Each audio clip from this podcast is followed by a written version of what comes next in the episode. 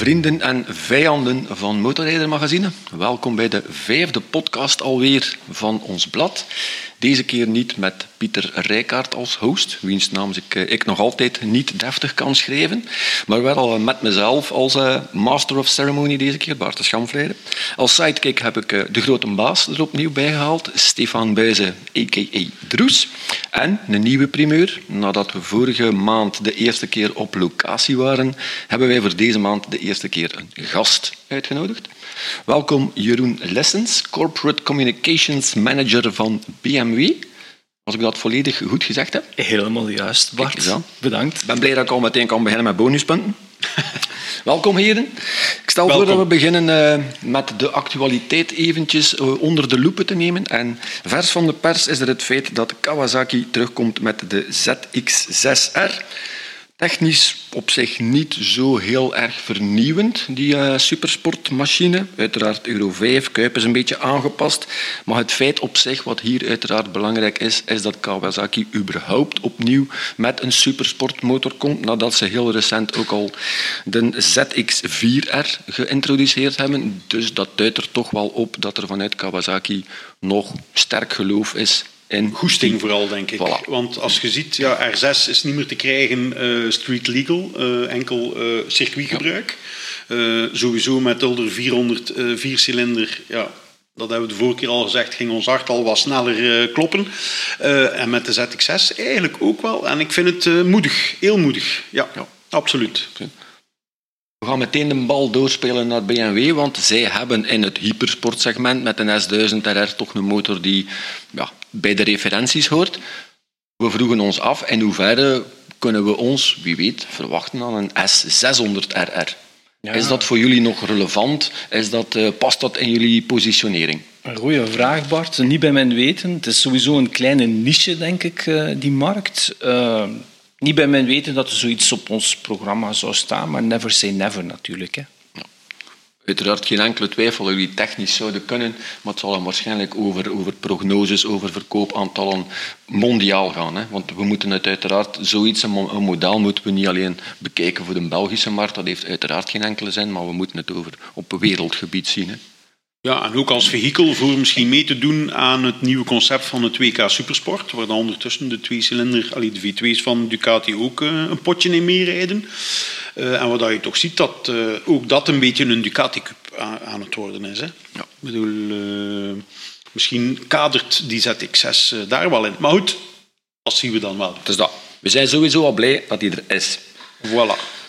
Waar dat we niet blij mee zijn, omdat het er niet meer zal zijn, dat is wel op lokaal niveau gesproken, dat zijn de vooruitzichten voor het auto- en motorsalon in 2024. Er is nu een officieel statement uit dat er geen auto- en motorsalon zal zijn. We moesten het vorig jaar, of dit jaar eigenlijk, ook al zonder het motorsalon stellen. Ik veronderstel dat daar ook de gevoelens mixed zijn. Ja, absoluut. Uh, ik heb zelf uh, 27 salons gedaan. Dus uh, klinkt als Sibiet als een oude zak natuurlijk. We hebben er alles meegemaakt. Ze hebben van alles geprobeerd uh, met succes, zonder succes. De laatste jaren was het echt wel puur, puur een, een, uh, de motormerken die daar uh, stonden. Omdat de accessoirebedrijven om kostentechnische en tijdstechnische redenen zijn beginnen afhaken. En daar ligt dan denk ik ook wel een beetje het pijnpunt van het salon zoals wij het altijd gekend hebben. Uh, dat was voor ons ook, voor motorrijder, vond ik dat fantastisch. Want dat was eigenlijk de enigste moment in het jaar dat wij uh, contact hadden met de lezer. Uh, dat jullie langskwamen voor een abonnement. Maar ook gewoon om te babbelen over motto's, over de reis, over een accident. Over uw liefdag opgedaan hebt met een motto. Of niet opgedaan hebt met een motto. whatever. Ik vond dat altijd schitterend. Omdat dat voor ons ook een, een, een laat mij zeggen, een temperatuurmeter was van... Ehm, wat komen gaat, maar ook wat dat jullie lezers uh, wijs vonden, minder wijs vonden. Allee, ik vond dat op die zin, in die zin uh, heel plezant. Uh, zeker nu, ik, want als alternatief hadden we dus dit jaar een Motorminds, een Gent Motor Event en nog andere initiatieven. Wat je dan toch weer tussen uw lezers gaat staan. Ik was op de BMW Motorrad Day dit weekend trouwens. Ja, die voeling met, met, met mensen en met motards onderling dat mis ik heel hard aan, aan heel dat salon. Maar ik begrijp ook dat dat en daar zal Jeroen meer kunnen over zeggen dan ik, uh, daar het kostenplaatje aan hangt dat misschien niet in verhouding staat. Ja. Om, om de temperatuur van de markt te voelen had eigenlijk ook geen tien dagen nodig. Hè. Vier dagen had meer dan volstaan. Voor de grote auto- en motormerken was dat misschien nog beter uit te zingen om daar tien dagen effectief een stand te hebben. En je hebt dan al de moeite gedaan om je vierkante meters te betalen en een stand in te richten. Je kunt hem dan tien dagen bemannen of bevrouwen door hostessen. Maar in de motorbranche werkte dat eigenlijk niet. Hè. Nee. Denk ik, daar werd er ook heel veel van de dealers verwacht die aanwezig moesten zijn om technische uitleg te geven. Dat maakte het voor de En voor ook de voor de overname. We zitten uiteindelijk in een vervangmarkt. Uh, als je toch een beetje... Allee, pas op, dat is ook weer dubbel. Hè, want uiteindelijk uh, weet ik uh, dat op een gegeven moment een, een bepaalde dealer beslist die van, vanuit thuis te werken. En dat, is, ja, dat gaat veel gemakkelijker, omdat de, de consument of de motaar die gaat gaan kijken op het salon naar alles wat dat er is. En die komt dan met zijn motorfiets die eventueel wel overlaat bij de dealer. En dan kan er eigenlijk... Hoe zeg je dat? Uh, koppen met nagels uh, geslegen worden. Of, of spijkers met, met koppen. Kijk, voilà. Ja. Dank u wel daarvoor.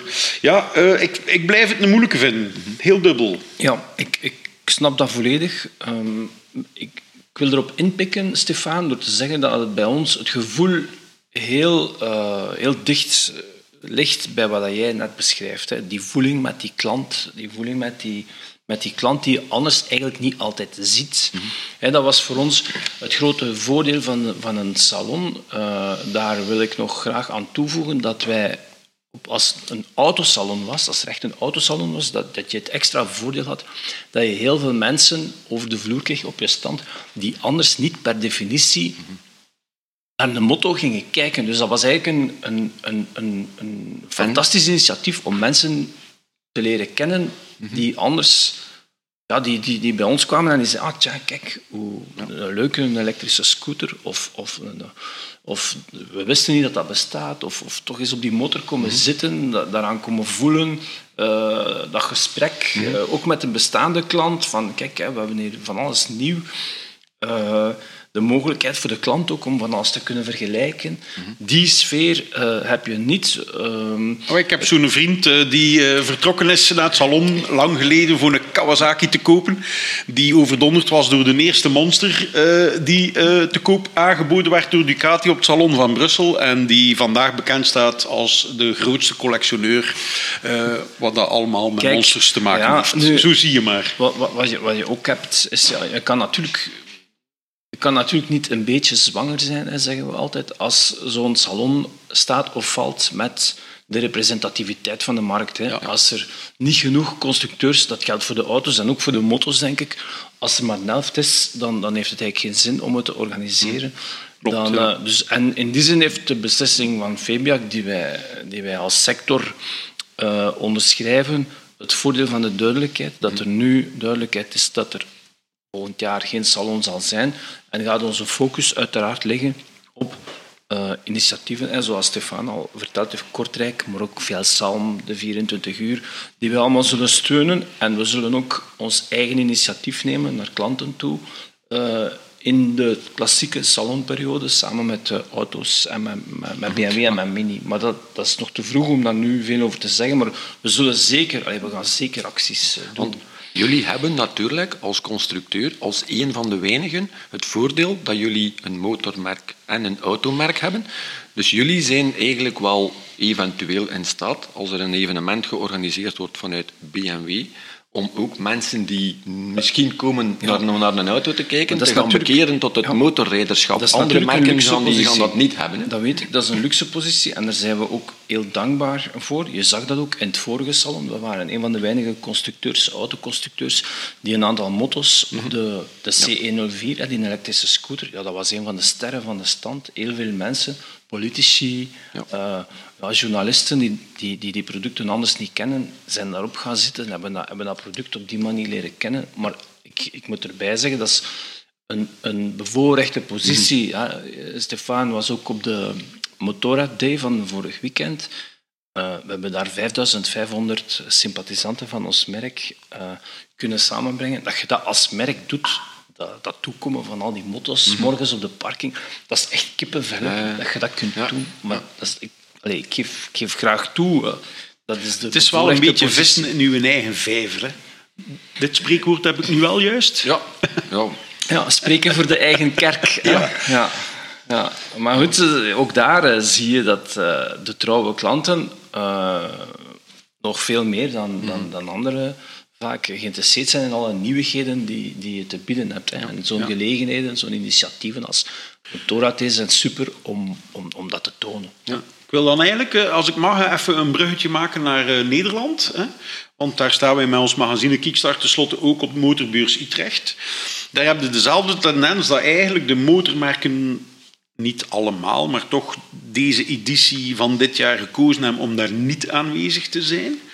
Ze hadden wel 99.000 bezoekers. En ik heb echt zoiets, oké, men was wel eh, mal, allee, niet tevreden over de hoge inkomst, eh, inkomprijzen, parkeergelden. Eh, een broodje kroket was belachelijk duur, effectief.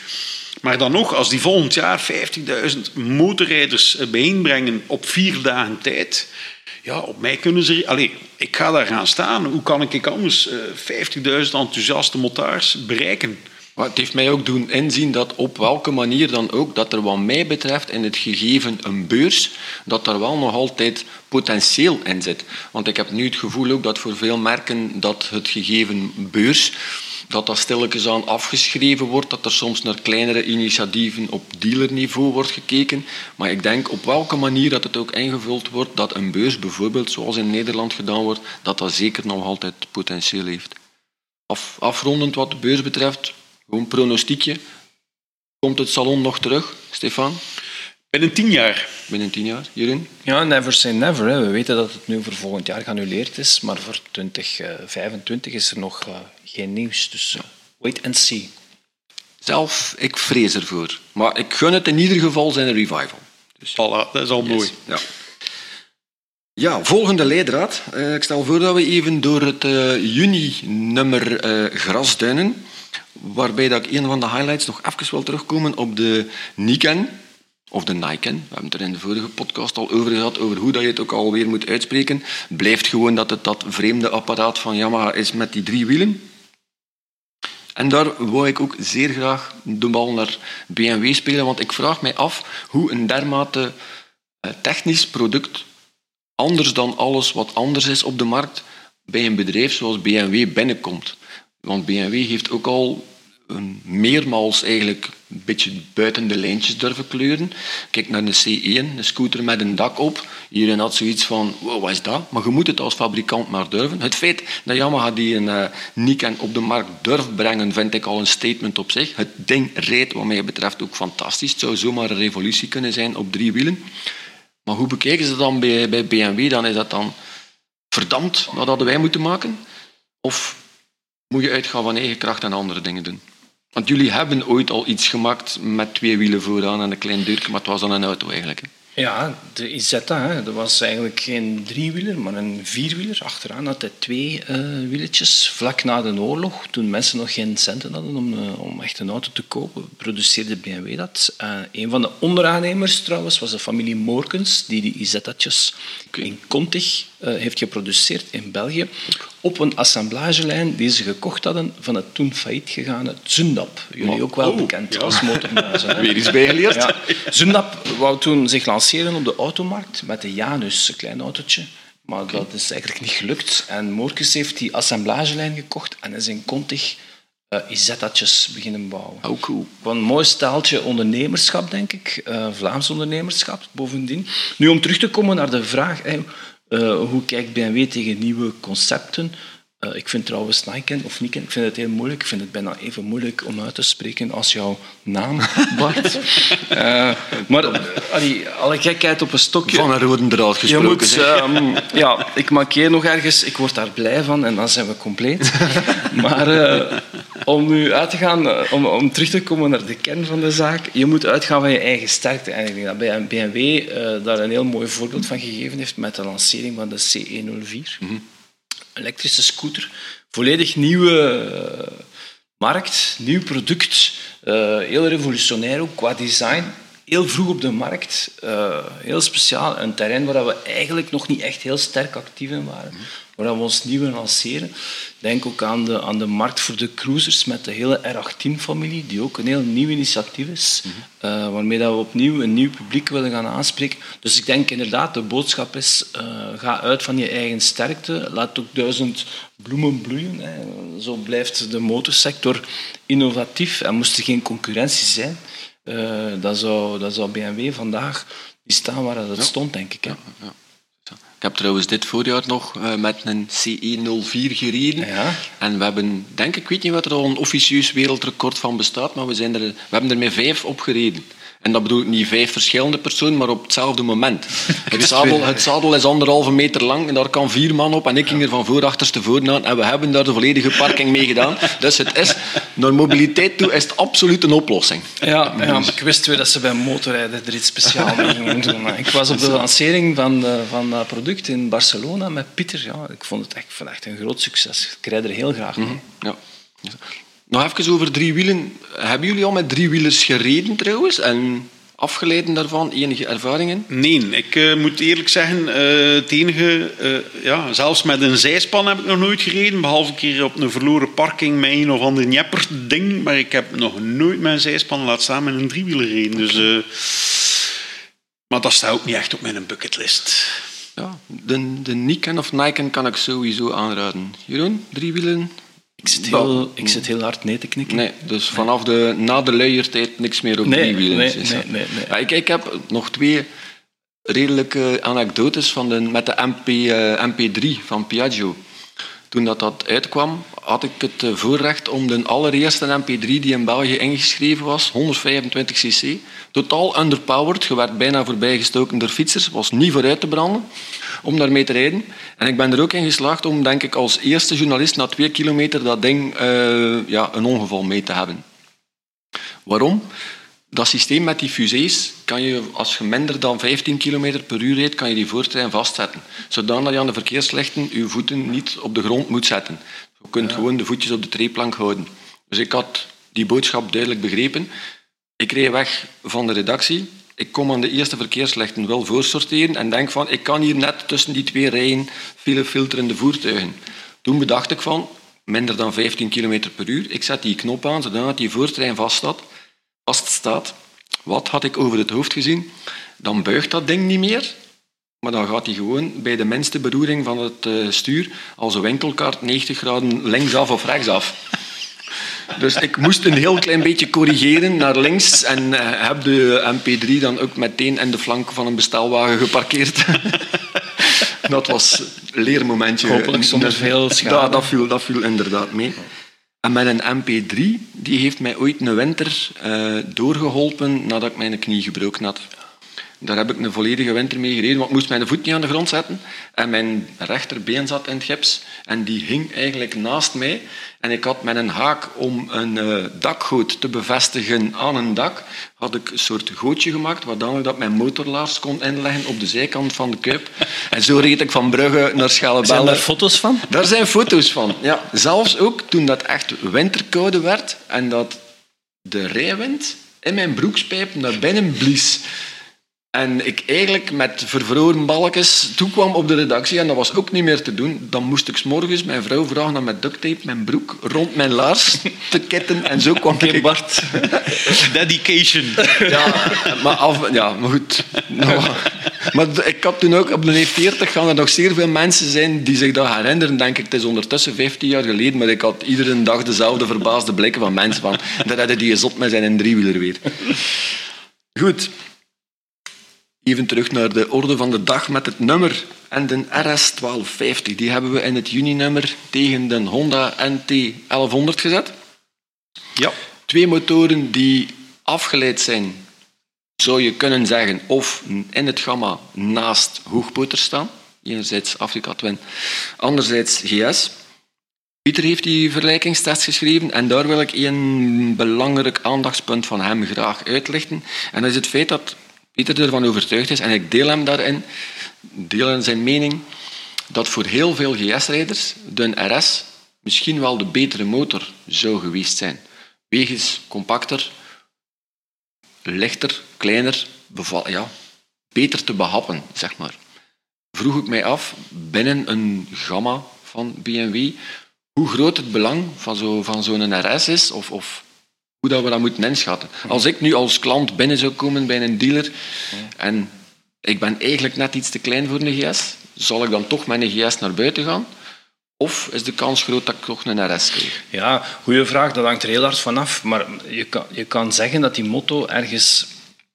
Aan de ene kant combineert hij het comfort. Hij heeft een, hij heeft een heel goede... Dat heb ik ook gelezen in Pieter's stuk. Dat hij een goede windbescherming en een redelijk hoge mate van comfort combineert met toch een sportiviteit. Je hebt, en, en, en tegelijkertijd is het ook geen supersporter, maar je hebt dat bokserblok. En daarmee, met, met die bokser, dat sportief puntje, en, en toch die windbescherming zit heel dicht bij het DNA van het merk van BMW. En, en, en dat is een motto die, die enorm gefocust is op puur rijplezier. Je zit, je zit inderdaad minder hoog dan, op, dan, dan, dan op de GS bijvoorbeeld, maar dat is een duidelijke keuze die, die de klant maakt. Want wij focussen denk ik, of de goede gemeente, ik zal het zo zeggen, als de naam BMW valt, wordt er nogal snel naar de best verkopende modellen, de cash cows zoals dat we zeggen, de GS en RT gekeken. Is dat bij, bij jullie ook zo? Wordt, Krijgen die ook effectief de meeste aandacht omdat die nu eenmaal het best marcheren? Of, of zien jullie dat anders? De klant is natuurlijk altijd koning. En, en het is in functie van, van de commerciële belangstelling dat, natuurlijk, dat, dat je verkoopcijfers realiseert. Hè. Maar het, is niet, het feit dat we die modellen allemaal blijven voeren, hè, betekent mhm. dat die, dat die zeker, dat die zeker de aandacht krijgen die ze verdienen bij ons. Ja.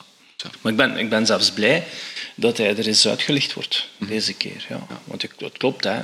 We, we, we, praten veel over de absolute bestsellers. Die dan, dat, dat geldt voor alles zo. Hè. Ja. Je hebt er ook nog een gehad, Stefan? Ik heb geen RS gehad, maar ik heb eigenlijk een R1100S. Ik heb hem eigenlijk nog altijd. En uh, het eerste dat ik daar eigenlijk uh, opgezet heb, is een, een, een uh, crossstuur. Oké.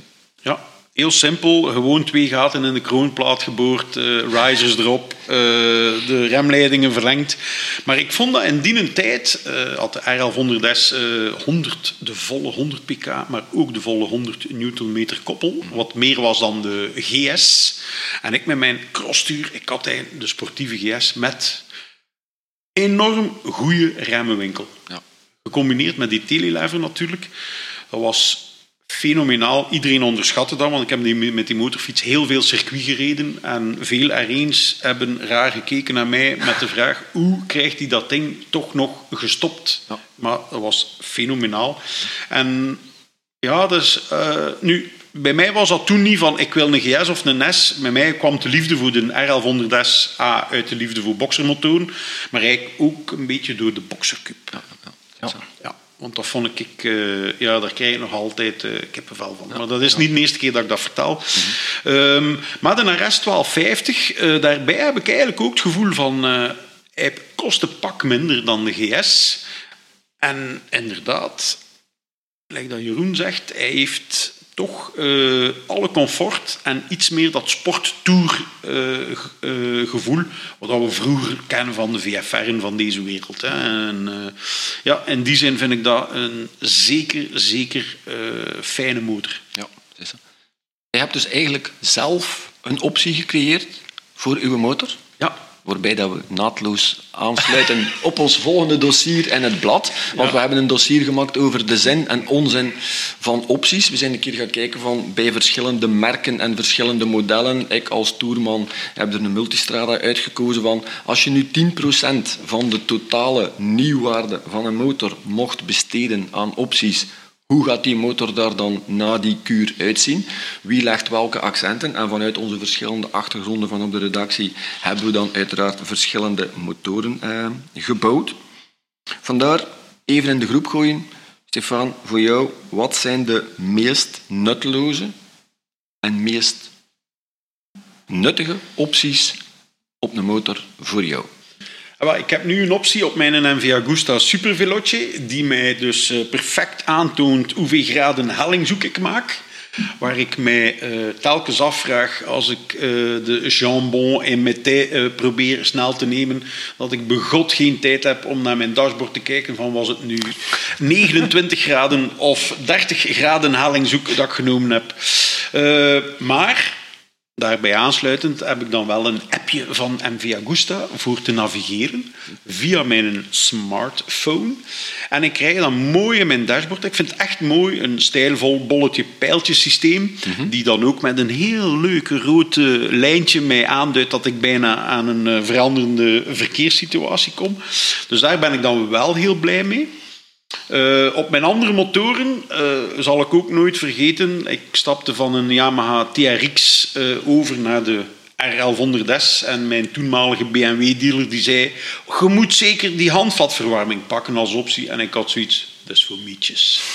Nu, ik heb mij laten overtuigen en ik ben de man tot op vandaag dankbaar voor die handvatverwarming. Ja, handvatverwarming is voor mij ook een, een, een no-brainer. Dan kun je met dunnere handschoenen rijden, betere controle over het stuur. Is dat bij jullie ook de, de, de populairste optie? Helemaal mee eens. Dat is een, een, een, een hele... It makes sense. Ik ben ook fan van handvatverwarming. Um, bij ons de populaire opties... Populair is, is misschien een raar woord voor wat ik ga zeggen, maar een anti-diefstalsysteem is bij ons echt wel ah. een, iets dat we echt ook actief aanraden. Mhm. Eh, de verzekeringsmaatschappijen hebben dat ook heel graag.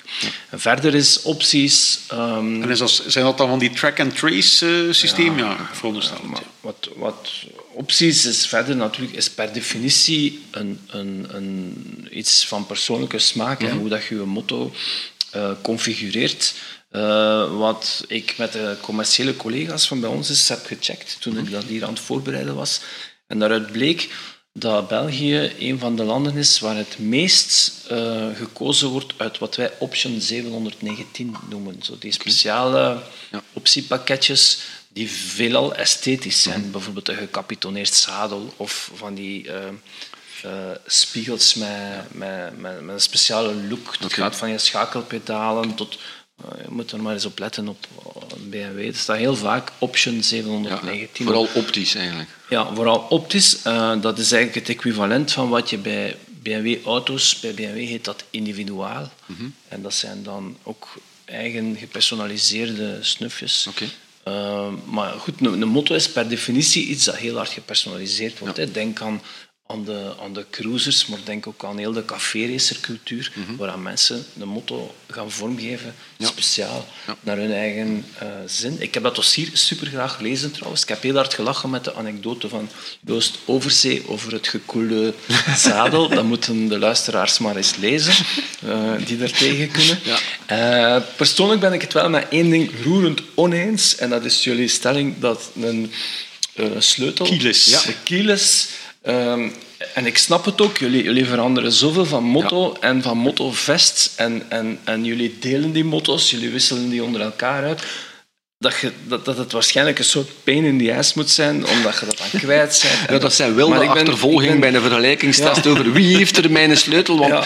als ik hem kwijt ben, de persoon in kwestie, dan ben ik ook mijn motto kwijt. Kan ik niet meer starten. Maar voor, voor een, een, een simpele gebruiker als ondergetekende, die meestal met dezelfde motorjas en dezelfde motor op pad uh, is, ja. vind, ik, vind ik eerlijk, ik vind dat echt een feest. Uh, ja. ik, die sleutel zit in de zak van mijn motorjas, die gaat daar nooit uit. Uh, ik stap op een motor en ik vertrek. Hoe fijn is dat? Mm -hmm. Dus dat ben, ben, deel ik jullie. Ja, misschien dat wij dat vanuit, vanuit ons, ons werk misschien verkeerd inschatten. Ja. ja. Is dat. Hebben jullie trouwens als, als nationale importeur of agent, hebben jullie ook een inspraak in hoe een model vormgegeven wordt en wat een fabrikant dan beslist van dit zal tot het standaardpakket behoren, dit is een optie en dit is een optiepakket, want dat doen jullie natuurlijk ook. Er worden veel opties in een pakket gebundeld, want ik kan me toch voorstellen dat dat regionaal anders ingevuld is en een, Argentijn voor andere opties ja, kiest dan een... Eh, opties zijn inderdaad, Bart, per definitie hè, geschmackszache, zeggen ze in mooi Duits. Dus iedereen eh, kiest eh, naar zijn eigen... Maar we, hebben zo, we bieden zoveel aan dat het voor iedereen eigenlijk mogelijk is om, om iets naar zijn zin te configureren. En zoals gezegd, hè, de, Belgen zijn, de Belgen zijn wel tuk op die speciale snufjes op een BMW. Dat 719 pakket. Ik heb het hier nu al genoeg gezegd. Sorry daarvoor. ja, ik verschiet ervan en ben er zelf niet zo gevoelig aan. Maar goed, uh, ik zou eerder kiezen voor... Uh, een goede koffer met een goed deksel op. Like ja. Dat op mijn GS, uh, wat je dan van Touratech, wat je dan deksel kon ja. uh, gebruiken als oliewisselbak of als waterdrager. Maar dat, ik, denk, maar op. Ik, denk sowieso dat, dat, dat mensen, allez, en, en je noemt daar een merk, de, er is een hele optie- en accessoire-industrie ja. rond, rond de motor gegroeid. Hè. Uh, zowel van de merken zelf als van derde partijen. Dus dat alleen al bewijst dat, dat iedereen graag zijn eigen... En ik vind ook, naarmate dat je langer met de motor rijdt, je smaak verandert. Dat je wil altijd iets speciaals of je wilt, je wilt iets, iets dat je vroeger niet interessant vond, vind je nu, wil je nu, is nu conditio sine qua non. Hè. Denk nu aan die verwarmde handvatten. Dat vind ik zo'n goed voorbeeld. Ja, ik was dit voorjaar ook nog bij Jekyll Hyde, de mannen die de uitlaatsystemen maken. Ja. En die vertelden mij ook van, wij kregen prototypes van motoren vaak voor de lancering beschikbaar. Waarom? Kwestie dat ons product, onze uitlaat, op hetzelfde moment kan gelanceerd worden op het moment dat de nieuwe motor in kwestie in de winkel staat, omdat wij van de handelaars, concessiehouders te horen kregen dat de motor ook beter zal verkopen als die klant al weet dat het optionele uitlaatsysteem al beschikbaar is. Dat hij zegt, doe maar alles in één keer. Dat, dat, eigenlijk ook gezien. De omgekeerde wereld is, het is een accessoire dat helpt, of een optie die helpt om de motto te verkopen. Voor mij is dat een omgekeerde wereld, maar het blijkt wel zo te zijn. Bij de lancering van de R18-familie hebben we meteen ook de deal met, met Vance Heinz aangekondigd. Mhm. Een Amerikaanse leverancier van accessoires, eh, toebehoren, mhm. opties. Dat was tegelijk met de lancering van de motto's. Hè. Ja. Ja. Wat dat momenteel ook in de motorbranche, en het komt ook aan bod in het stuk, een discussiepuntje, een heikelpuntje is, is het feit dat KTM met zijn systeem werkt dat je eerst een aantal elektronische gestuurde opties 1500 kilometer kunt gebruiken, waarna dat ze eigenlijk automatisch gedeactiveerd worden totdat je voor die pakketten gaat uh, betalen. In de autobranche blijkt dat al gemeengoed te zijn voor zetelverwarming betaal je maandelijks huurbedrag. Uh, zien jullie daar zelf ook op de motorbranche? Dat, uh, wordt dat ook iets dat we bij jullie mogen verwachten? Het is moeilijk om daar nu iets over te zeggen. Uh, ik weet, het klinkt een beetje contra-intuïtief om te moeten betalen voor dingen die al Erop op zitten. je ja. Mhm. product zitten.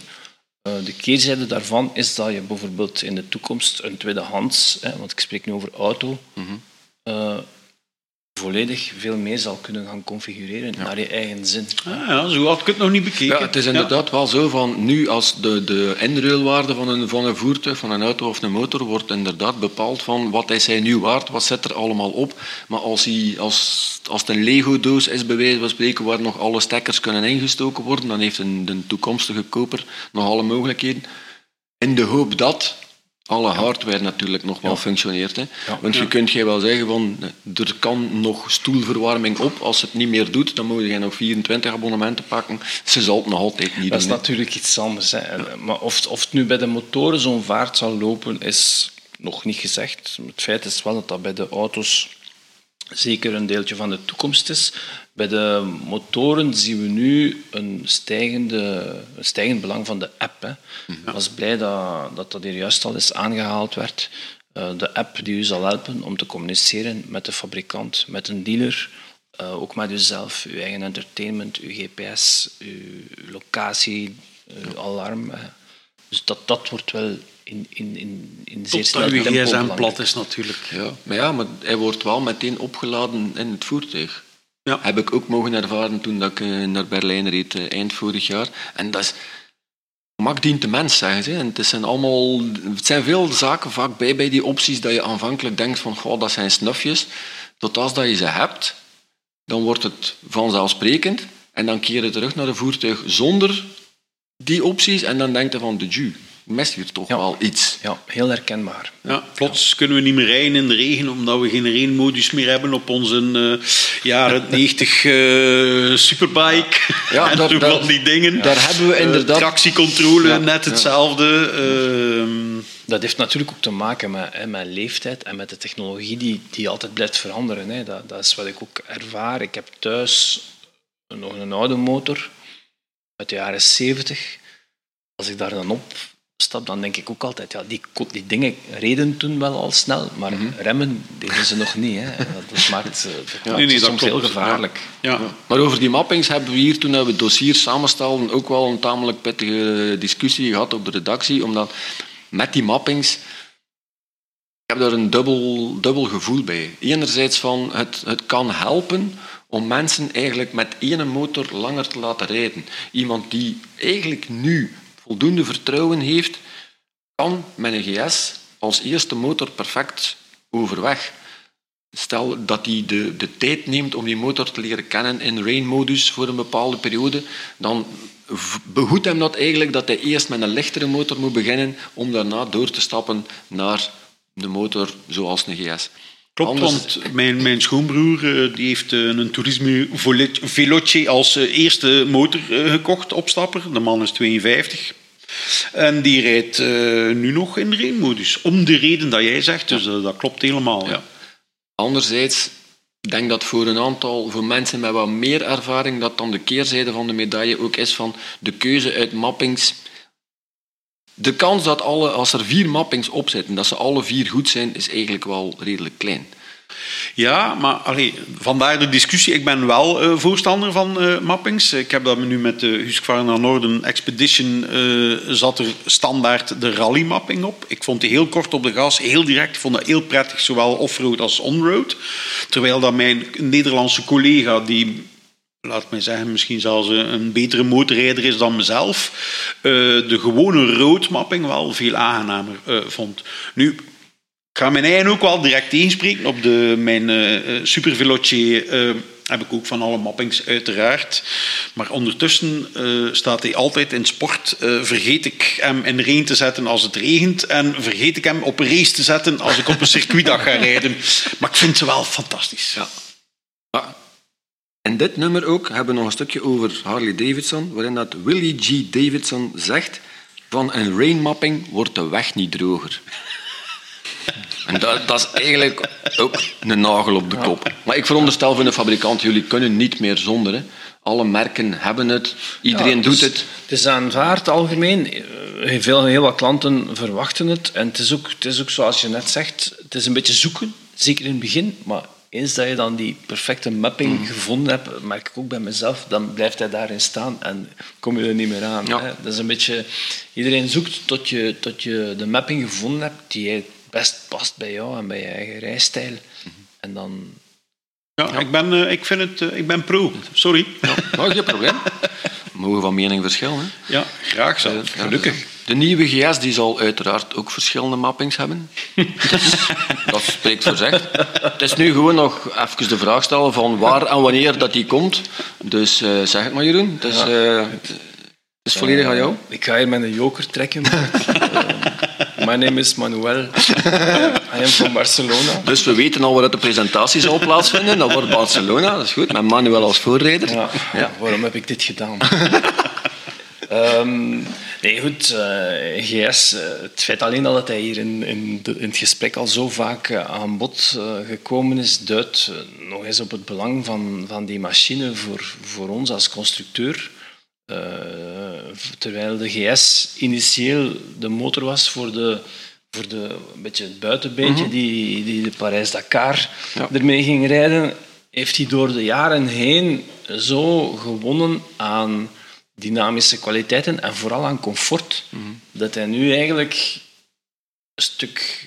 Ja, ons, ik, ik zeg altijd dat is ons Zwitserse zakmes. Mm Dat is de motto waarmee, waarmee je eigenlijk alles kan. Ja. Uh, ook een zitpositie, super fijn om mee te rijden. Ook niet echt een bokser. Dus het is logisch dat, die, dat, dat, dat we dat concept dat dat gaat blijven in ons gamma zitten. Uh, er is nu een final edition op de markt. Ja. Een fantastisch machine. Uh, ja, de GS is, is echt een topmotto. Mm. Blijft heel belangrijk voor ons. Best verkochte BMW ook. Ja. Uh, niet alleen in België, maar wereldwijd. Best verkochte product voor, voor iets dat ooit begonnen is als een knetselproject eigenlijk van een paar ingenieurs, is dat, Wel, ja. Is dat wel formidabel. We ook een mooie geschiedenis hebben met een paar uh, Belgische Parijs-Dakar-helden. Ja, ja, ik, ik gok dat die tussen 7 en 9 juli ergens daar zal voorgesteld worden in Berlijn. Wat staat er in Berlijn te gebeuren dan? Berlijn vieren we de Motorrad Days uh, en het festival Pure and Crafted, dat meer gericht is op de heritage en de cruiser segmenten. Uh, Motorrad Days, een beetje zoals we dit weekend in, uh, in Brustem hebben gedaan, in Limburg. Legaal? Uh, ja, ja. Wij hadden, uh, wij hadden, ja, ik was aan het vergeten te zeggen. Wij hadden iets een, kostelijker dan die andere gozers. Uh. ja, we hadden een vergunning aangevraagd, ja, ja, maar het was ook plezant. Geweldig. Ik ben nog aan het nagenieten, want het was eigenlijk superfeest. Ja. Maar in Berlijn gaat het ook plezant worden, want het is, ja, het is uiteraard absoluut. 100 jaar... Het is wat grootschaliger aangepakt. het is niet de eerste keer dat het in Berlijn gebeurt. Mm -hmm. jullie gaan ook mee, ja. tot mijn groot plezier luisteraars die dat willen, kunnen daar ook naartoe. Berlijn is eigenlijk niet heel, niet heel ver, 650 kilometer, afhankelijk van waar hij moet komen. Ja. Uh, fantastische stad, uh, groot feest daar. Uh, de fabriek van de BMW-motoren, de grootste fabriek, staat daar ook. Ja. Recent, recent gaan binnenkijken, is absoluut aanrader. ja, juist. Zeer boeiend om te zien. naartoe gestuurd. Hè? Ja, ja, ja, ja, inderdaad. Klopt. Is zo. Goed. Dat zal iets voor volgende maand zijn dan, veronderstel ik. Ja, en dat vissen uh, achter uh, de nieuwe GS uh, ja. blijkt hier toch niet te lukken. ja, goed. Jeroen, geen kleine, kleine tip? Jullie doen jullie beroep en ik doe het. is, Wij moeten vragen en hij moet zwijgen. Ik ben zelf journalist geweest, dus ik ben, hoe zeggen ze dat, de beste stropers ja. worden later boswachter, of omgekeerd. Oké. Okay. Zo. Maar we gaan, ons, we gaan even geduld moeten hebben. Ik ga ervan uit. Wij gaan sowieso gaan kijken in, in Berlijn. Als, hem, als, we hem daar zien, dan zullen we erover berichten. En zien we hem daar niet, dan zullen we berichten over wat we wel gezien hebben. Hè. Ik denk dat het beste is dat we daarmee beginnen. Hè. Maar dat zal over de podcast van, uh, van jullie zijn. Heren, merci. Iedereen is met de motto. Goeie rit terug straks. Met of zonder opties, maakt mij niet uit. De zon is sowieso niet optioneel. Die is standaard. Die schijnt voor iedereen. Dank u wel. Yes. Merci. Ça va. Tot genoegen. Bye bye. Ciao.